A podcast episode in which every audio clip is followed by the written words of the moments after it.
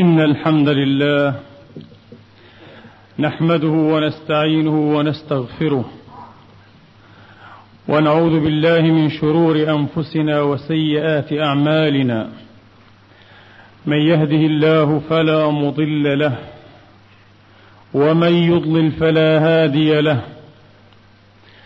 وأشهد أن لا إله إلا الله وحده لا شريك له وأشهد أن سيدنا ونبينا وحبيبنا محمدا عبد الله ورسوله وصفوته من خلقه وأمينه على وحيه ونجيبه من عباده.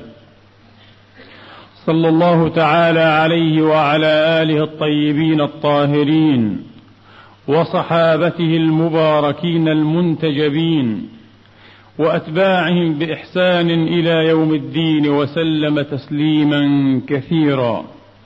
عباد الله أوصيكم ونفسي الخاطئة بتقوى الله العظيم ولزوم طاعته كما أحذركم وأحذر نفسي من عصيانه ومخالفة أمره. لقوله سبحانه من عمل صالحا فلنفسه. ومن أساء فعليها وما ربك بظلام للعبيد. يقول الله سبحانه وتعالى في محكم الكتاب العزيز بعد أن أعوذ بالله من الشيطان الرجيم. بسم الله الرحمن الرحيم. وما أكثر الناس ولو حرصت بمؤمنين وما تسألهم عليه من أجر إن هو إلا ذكر للعالمين وكأي من آية في السماوات والأرض يمرون عليها وهم عنها معرضون. وما يؤمن أكثرهم بالله إلا وهم مشركون.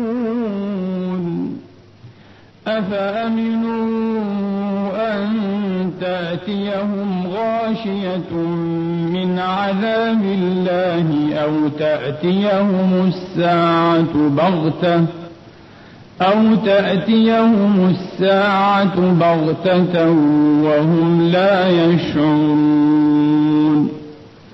قل هذه سبيلي أدعو إلى الله على بصيرة أنا ومن اتبعني. وسبحان الله وما أنا من المشركين. صدق الله العظيم. أيها الإخوة الأفاضل سنقف إن شاء الله تعالى وقفة متأنية مع قوله سبحانه وكأي من آية في السماوات والأرض يمرون عليها وهم عنها معرضون.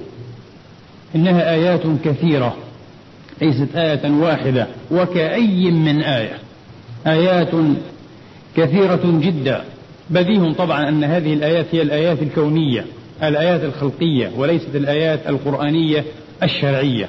إنها آيات الله في خلقه في السماوات وفي الأراضين في عالم الحيوان في عالم النبات من الذرة إلى المجرة كما يقال. وكأي من آية في السماوات والأرض يمرون عليها وهم عنها معرضون. وقبل أن نخوض فيما نحن معنيون بالخوض فيه إن شاء الله تعالى لا بد أن أذكر إشارة تضمنتها هذه الآية إشارة لطيفة. وكأي من آية في السماوات وإذا ترجح ما انتهينا إليه وذكرناه غير مرة أن السماوات عوالم غيبية بخلاف السماء فهي الكون المشهود أو القابل للشهود. وكأي من آية في السماوات والأرض يمرون عليها إذا ترجح هذا الفهم فهذه الآية تنبئ بأن الإنسان سيخترق أقطار السماوات. وسيمر على آيات كثيرات في هذه السماوات. إنه سيبتدع نوعا جديدا من المواصلات الكونية أو الفائقة من المواصلات الأرضية التقليدية يمرون عليها وهم عنها معرضون. إنها ليست آيات في الأرض فقط نمر عليها إنما آيات في السماوات. وإذا ترجح كما قلت هذا مبحث آخر خضنا فيه في غير هذا المقام إذا ترجح أن السماوات عوالم غيبية بخلاف السماء فالسماء هي واحدة من هذه السماوات وإذا أطلق لفظ السماء أريد به هذا الكون المشهود أو القابل للدرس والشهود. قابل للدرس الفلكي طبعا والشهود العلمي. يمرون عليها. إنها إذا آية. نبوءة. ضمن نبوءات كثيرة في كتاب الله. تؤكد هذا المعنى. لتركبن طبقا عن طبق. والسماوات هي إيه؟ الأطباق وهي الطباق السبع المعروفة. هذا مبحث آخر. وكأي من آية في السماوات والأرض يمرون عليها وهم عنها معرضون. الأمر هنا فوق الجهل أو إذا أردنا الدقة اللغوية دون الجهل. الأمر هنا دون الجهل إنه دون الجهل بكثير. ليس الأمر هنا أمر غفلة إنما أمر إعراض إنه تعطيل عامد أو تعطيل متعمد تعطيل عامد لوسائل الحس وملكة الفكر.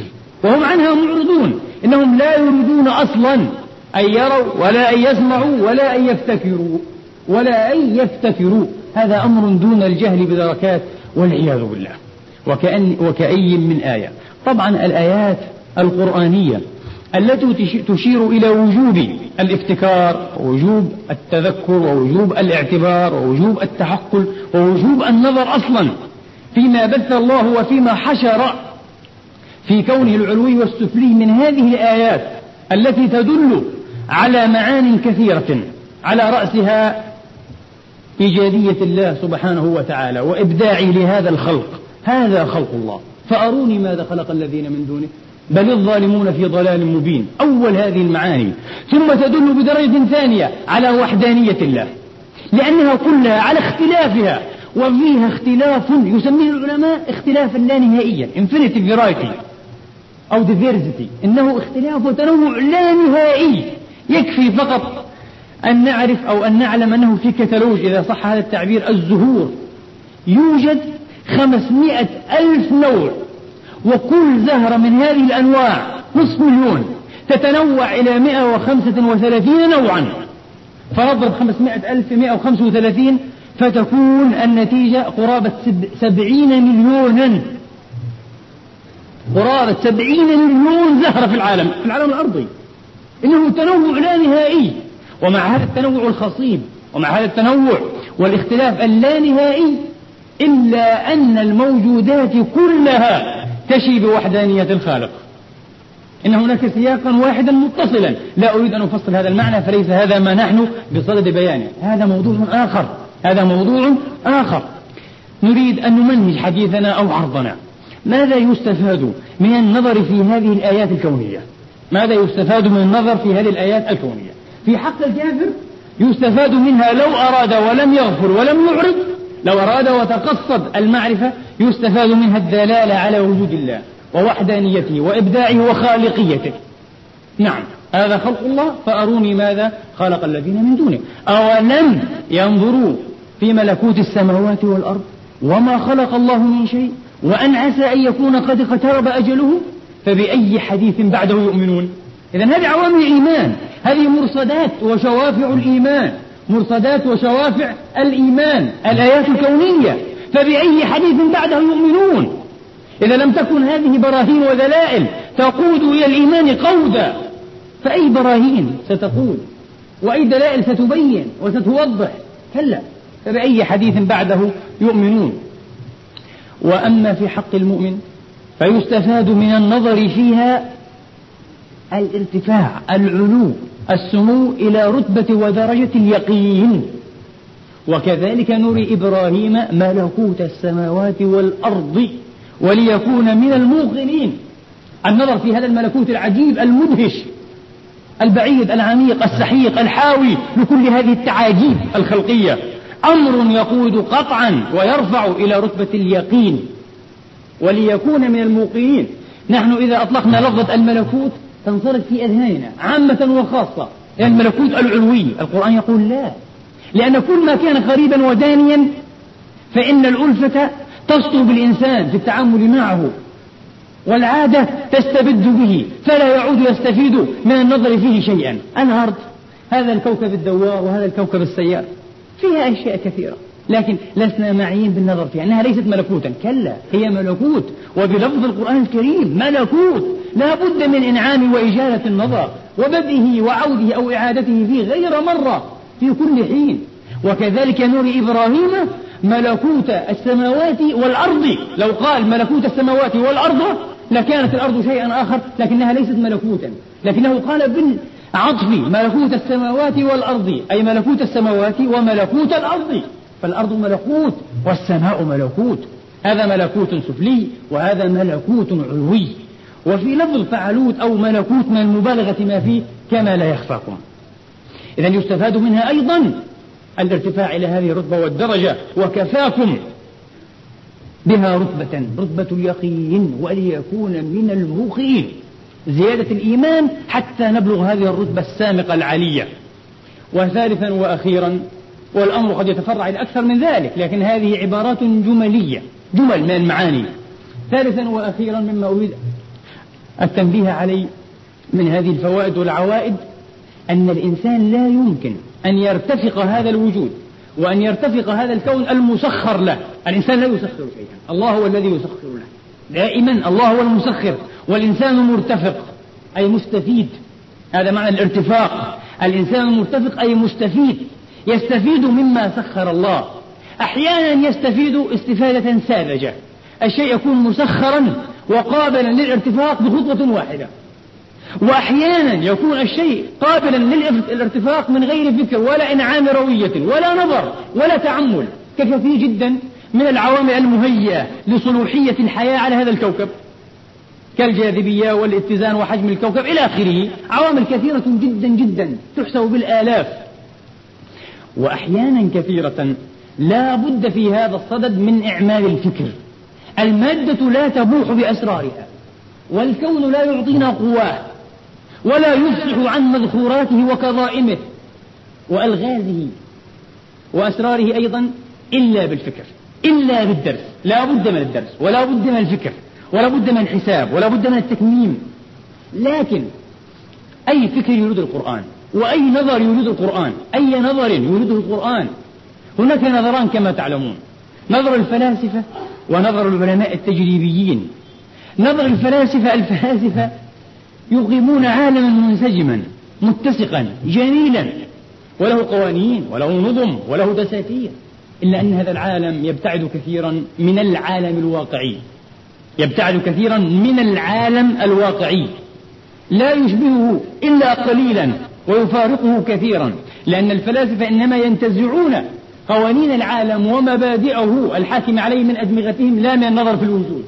ولذا لكل فيلسوف نظرية معينة وقوانين وعالما خياليا ينشئه. هذا ليس بشيء. أما العلماء فإنهم يستنطقون الكون يجلسون بين يدي مجالس التلاميذ من الأساتير. مجالس التلاميذ من الأساتير. إنهم يستنطقونه. يتعاملون معه بلغة التجريب بالبحث بالفرض بالنظر بالتحقيق والإثبات بعد ذلك. فيعطيهم الكثير الكثير يعطيهم الكثير. وهذا هو منهج القرآن الكريم. منهج القرآن الكريم. القرآن لا يبتأ أبدا يكرر وجوب النظر في الكون. لابد أن تسير لابد أن تمشي لابد أن تنظر. ثم تفكر ثم تتدبر ثم تتعقل. لابد. وأي نظر كما قلت هذه صفة أولى صفة أخرى. لابد أن يكون هذا النظر نظرا مندهشا نظرا ذكرا نظرا فيه طفولة فيه عبقرية الطفولة التي تتعامل مع كل شيء لأول مرة. فلا بد أن يكون هذا النظر العلمي المنهجي نظرا مندهشا نظرا سآلا. يتعامل مع هذه الظاهرة أو مع هذه الآية الكونية من خلق الله ولا كأنما يتعامل معها لأول مرة كأنما يراها لأول مرة. متحللا من بلادة العادة متخففا من سطوة الألفة. حينئذ يجدي هذا النظر كثيرا حينئذ يجدي هذا النظر كثيرا وتبوح الطبيعة بأسرارها وتعطينا المادة معادلاتها ومقوماتها. تفصح إفصاحا جديدا. هذا المعنى سأعود إليه في آخر خطبة. لأقارن بين بعض ما انتهى إليه النظر العلمي وبعض الإشارات القرآنية العجيبة في هذا الباب. وقبل ذلك لا بد أن نمثل بشيء من آيات الله سبحانه وتعالى في عالم الخلق في باب الهداية في باب الهداية. قال سبحانه وتعالى سبح اسم ربك الأعلى هو حقيق بأن يسبح وبأن ينزه وبأن يسند وينسب إليه كل صفات كل صفات المجد والعظمة والجلال والجمال. لماذا؟ سبح اسم ربك الأعلى الذي خلق فسوى. والذي قدر فهدى. هداية تفصح عن تقدير وتقدير يترجم عن حكمة وحكمة تجليها القصدية والهدفية في الحياة. في كل هذه المرائي كما سيأتيكم من خلال الأنموذجات والأمثلة بعيد قيل إن شاء الله تعالى. والذي قدر فهدى. ولذا حين سأل فرعون موسى عليه الصلاة وأفضل السلام عن ربه وعن أوصاف ربه قال ربنا الذي أعطى كل شيء خلقه. ثم هدى. الهداية في لغة القرآن وفي الاصطلاح الشرعي أربعة معان أو على أربع على أربع رتب. الهداية العامة الهداية لجميع الخلق للحيوانات والنباتات للكافر وللمؤمن للملك والجني لكل خلق الله. إنها هداية عامة لهذه الصنوف والأنواع من صنوف الخلق وأنواعه إلى ما فيه تدبير وصلاح معائشهم إلى ما فيه تدبير وصلاح معائشهم تسمى الهداية العامة. هناك هداية البيان التي يجيء بها الرسل ويتابعهم فيها العلماء والصالحون. هناك هداية التوفيق والإسعاد وهي بيد الله وحده. إنك لا تهدي من أحببت. وأما الأولى هداية البيان والدلالة ولكل قوم هاد فهو هاد بهذا المعنى وليس هاديا بالمعنى الثاني. وأخيرا هناك الهداية يوم القيامة. هداية الكفار إلى سواء الجحيم والعياذ بالله إلى سبيل جهنم. وهداية المؤمنين إلى قصورهم وإلى حورهم وإلى دورهم وإلى منازلهم ومساكنهم ومسالكهم في الجنة. لا نريد أن نفصل في هذه المعاني. فنقف مع المعنى الأول. الهداية العامة. والذي قدر فهدى. الذي أعطى كل شيء خلقه. ما أعظم هذه الآية؟ وبودي إن شاء الله لو عقدنا عليها خطبة برأسها أو بحيالها. لأن من صفات الله الواحدية. كثير جدا من صفات الله خلع الله علينا منها خلعا صغيرة تناسب قدرنا في الوجود. أليس كذلك؟ أليس هو الواحد الأحد؟ وأنا واحد وأنت واحد وهو واحد. كل منا واحد. صحيح أننا جميعا بنو آدم وأننا بشر لكن لا يساوي واحد منا أخاه. لكل واحد منا الفردانية التفرد الكامل. إنها من أثر خلعة الله عليه من أوصافه أو من نصفه من اسمه سبحانه وتعالى الواحد الأحد. فكل الذي أعطى كل شيء خلقه خلقه. له خلق مستقل منماز أو ممتاز مفترق من جميع صور وضروب الخلق. إشارات عجيبة في كتاب الله لمن أحسن استثمارها أو استنباطها. ثم هدى ثم هدى الهداية العامة. كل ما نرى في عالم النبات والحيوان عموما تفسره هذه الآية. وهذه الآية والله لو أردنا أن نفسرها تفسيرا يسميه المناطق تفسيرا بالتنفيذ. لما وسع تفسيرها مجلدات ومجلدات ومجلدات. لا يدري عدها إلا الله. لأن كل ما في الكون يترجم عن صحة ما أدت به هذه الآية من معنى. قدر فهدى. أعطى كل شيء خلقه ثم هدى. حيوان زاحف في صحراء الكويت. يدعى الوارى حيوان الوارى زاحف صغير. إذا لدغته عقرب أو ثعبان أو حية فإنه سريعا يذهب يسرع يطلب عشبة معينة عشبة معينة لا أي عشبة. من الذي هداه إليها؟ عشبة معينة تدعى عشبة الرمرام واسمها العلمي Heliotropium ramosissimum Heliotropium ramosissimum عشبة معينة. يأتي إلى هذه العشبة Heliotropium ويحتك فيها يظل يحتك فيها. يحك فيها موضع العضة. يحك فيها موضع إيه؟ العضة. وقتا معينا ثم يذهب وقد شفاه الله. وستره إن السم لا يفعل فيه شيئا انتهى كل شيء. درسوا العلماء هذا الحيوان ودرسوا هذه العشبة العجيبة عشبة سحرية هيليوتروبم راموسيزمم درسوها فوجدوا أن فيها مادة كيميائية تؤثر على النشاط المناعي في الكبد لحيوان الوارى مباشرة أول ما تدخل هذه المادة وتسري مع الدم وتبلغ الكبد تهبط المناعة في جسم هذا الحيوان. مباشرة تهبط تهبط المناعة. فإذا ما هبطت المناعة وقي هذا الحيوان ما يعرف بصدمة الألرجية أو صدمة الحساسية. وهذه هي الآلية التي يخطر بها السم من حقن فيه أو من خلط دمه. مباشرة يستوفز جهاز المناعة فيصاب الإنسان بصدمة الحساسية. صدمة الحساسية. الألرجي فيحدث نزيف داخلي فيموت. لكن هذا الحيوان الصغير الوارى يذهب إلى هذه العشبة ويفعل ما قد سمعتم. من الذي هداه؟ هل, هل هذا الحيوان الصغير درس الهيربال ميديسن أو طب الأعشاب؟ لديه إجازة في هذا الطب طب الأعشاب؟ ليعرف خصائص هذه العشبة؟ نحن ما عرفنا خصائصها إلا عبر هذا الحيوان. من الذي قدر له ذلك ومن الذي هداه؟ ما معنى قدر هنا؟ قدر أن تكون في طبيعة جسمه وجهاز المناعي أوصافا معينة وقدر أن يكون هناك ما يقابل هذه الأوصاف في هذه العشبة. هذا هو التقدير. أليس كذلك؟ قدر الشفاء وقدر المرض. الله ثم هدى. هداه إليها. يقول الطبيعة الطبيعة المبدعة الطبيعة تفعل الطبيعة تعمل الطبيعة تلهم الطبيعة توحي. ونحن نقلد هؤلاء البلداء المعرضين عن آيات الله. أيصح عقلا؟ أن عقلا مبدعا. قد أوجدته طبيعة عمياء. أيصح هذا في عقل العقلاء؟ أيصح عقلا أن عقلا مبدع. هنا في إبداع. في إبداع واضح. قد أوجدته طبيعة عمياء؟ كلا والله. أنثى الأخطبوط. حين تضع بيضها وتحضنه لأيام فإنها تمسك عن الطعام.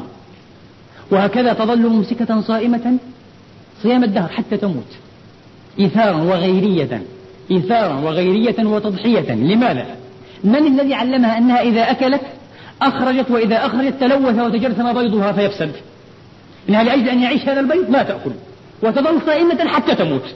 من هل درست علم الميكروبات؟ هل درست هذه الحقائق؟ كيف؟ الدب. الدب القطبي الذي يعيش في القطب الشمالي. كله أبيض اللون. أبيض. ناطع البياض. إلا ما كان من أنفه فإنه أسود. حين يريد أن يأخذ موقف موقف تمويه فيضع أنفه فيضع يده على أنفه الأسود. فيصير كله أبيض صرفا. كيف عرف لون أنفه؟ وكيف عرف أنه لا بد أن يستر أنفه حتى يأخذ لونا واحدا؟ من الذي قدر له ومن الذي هداه إلى هذه الحيلة؟ من حيل التمويه. أعجب من ذلك. الفطور. ال fungus يعني. fungus مفرد وجمعها fungi ال fungi أو الفطور. الفطور. كعيش الغراب وكالمشروم الذي يؤكل في الهوتيلات بأغلى الأثمان. آه. والبنسلين طبعا هذا إيه؟ هذا مضاد حيوي من Penicillium notatum من هذا الفطر المشهور. الفطور كثيرة جدا جدا. منها ما هو السام القاتل ومنها ما هو دواء ناجع ومنها ما هو طعام نافع. آه. وعلى أشكال لا عد لها ولا حصر. الفطور حين درس العلماء هذا الفطور وقد سمي من قديم النبت الشيطاني يعتقد أنه مما ينبته الشيطان مما ينبته الشيطان. وهل هو نبت ليس بنبت وهل هو حيوان ليس بحيوان. إنه واقف على تخم على عتبة بين النباتية والحيوانية. ليس بحيوان ولا بنبات. فيه من النبات وفيه من الحيوان صفات وسمات كائن غريب جدا جدا. أحد أكبر البراهين على أن الله بث في هذا الكون وفي هذا الوجود عقلا وتدبيرا وحكمة تدل على تدبيره وحكمته وتقديره. حين درس هذا الفطر أو الفنجس وجدوه ماذا؟ خيطا مجرد خيطا. خيطا طويلا. وفي داخله يسير السيتوبلازم فقط. ليس هناك نخاع شوكي ولا مخ ولا جهاز عصبي ولا كبد ولا أي شيء. خيط وفيه سيتوبلازم فقط.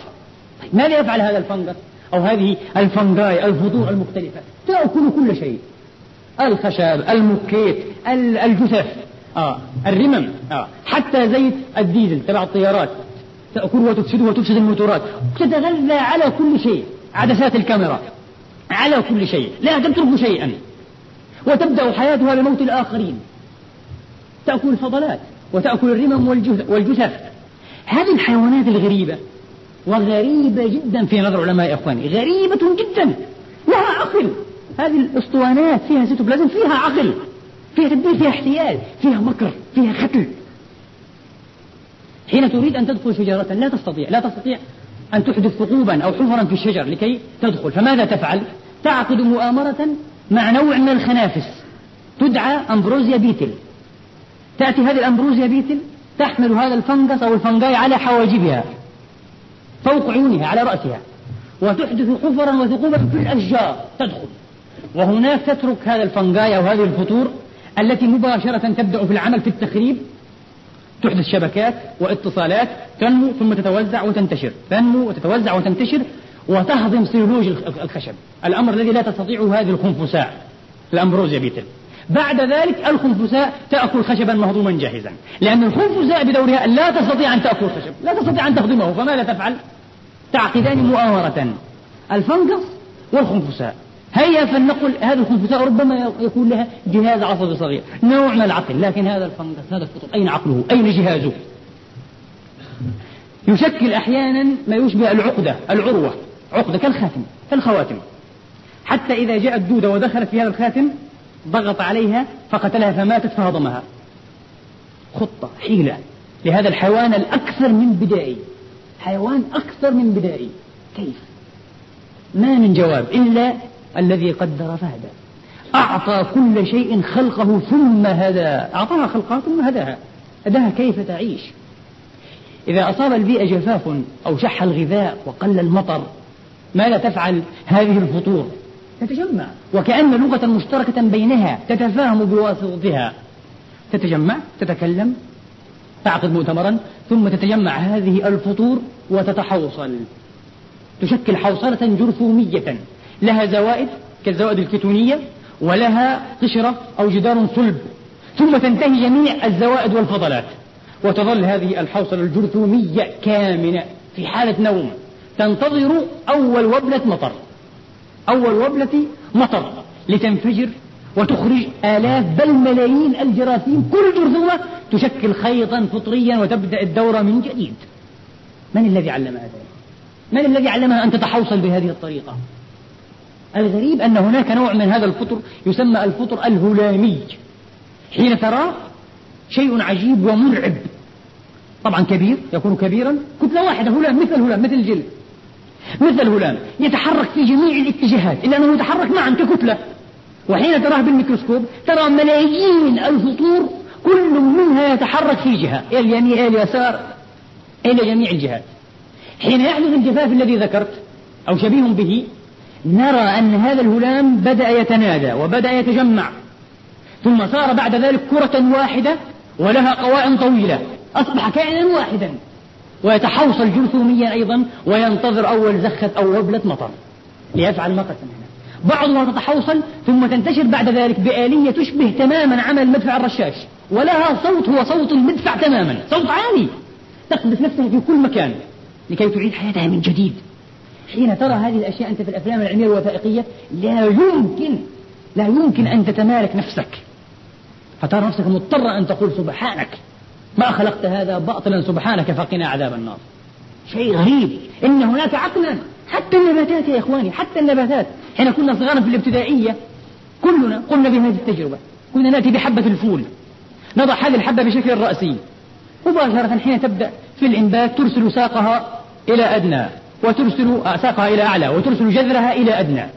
فإذا ما وضعناها بشكل أفقي فإنها ترسل الجذر بشكل إيه؟ زاوية قائمة.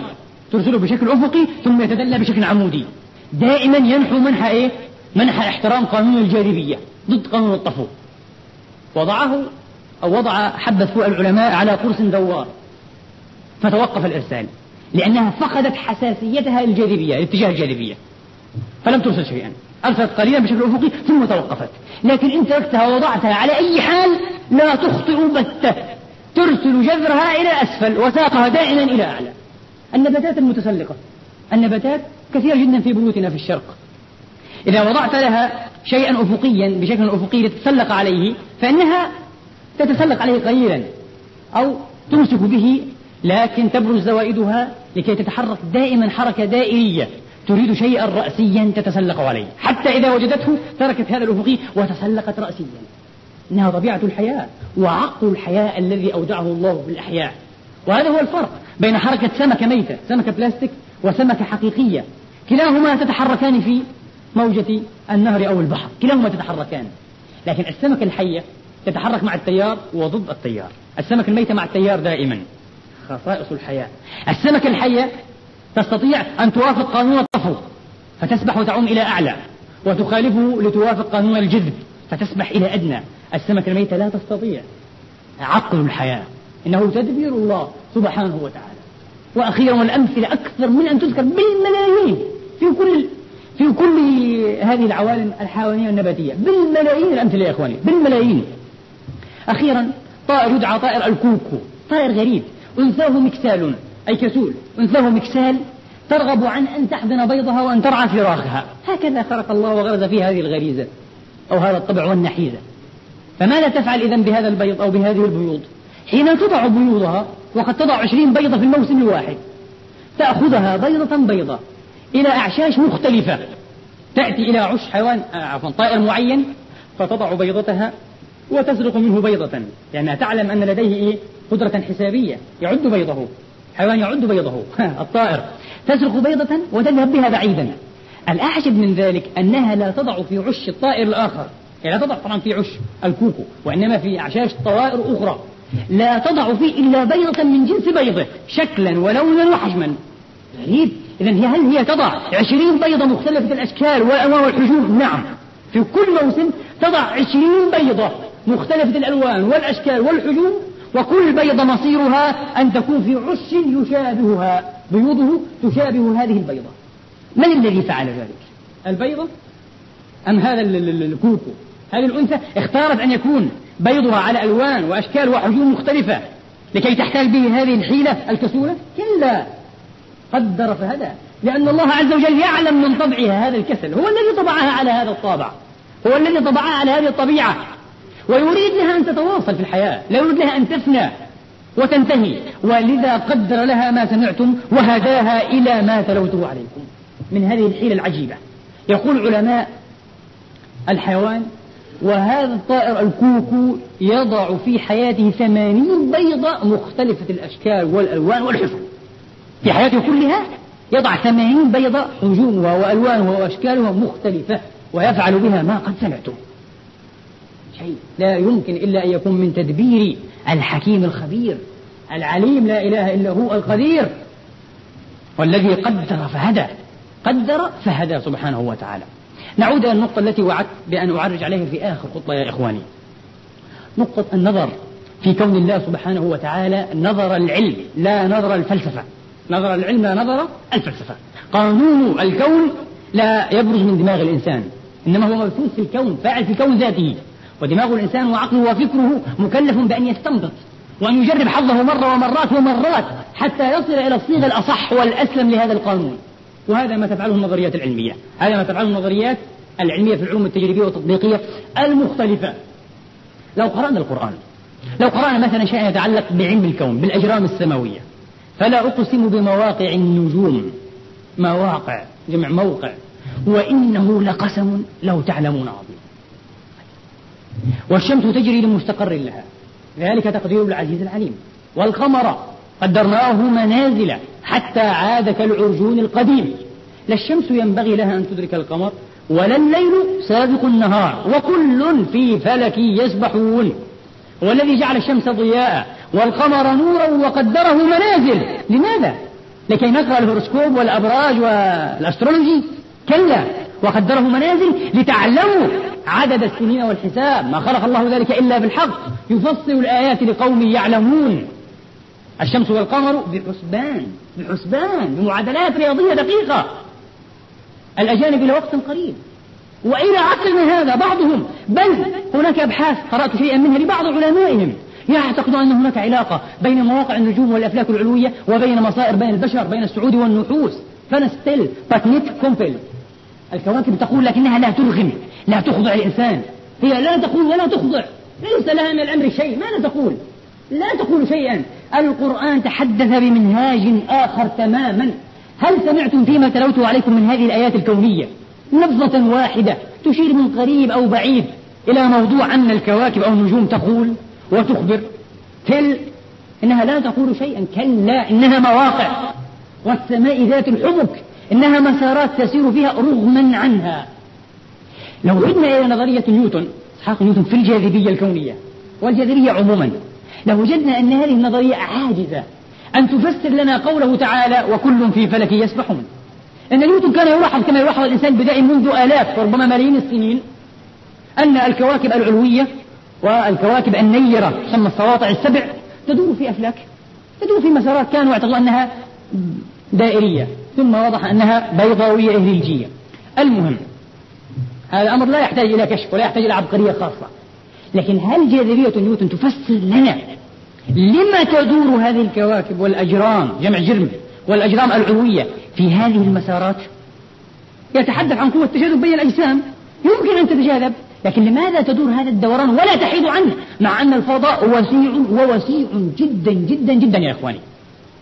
جدا أكثر مما يتخيل الخيال الجريء الخصب ولذا المجرات بكل ما فيها في الكون تشكل نقاطا ضئيلة في عماء في ظلمة وعتمة سرمدية هكذا يقول علماء الفلك علماء الكون. نقاط بسيطة المجرات وليس النجوم المجرات. المجرة الواحدة تحتوي على 100 إلى 250 مليار شمس.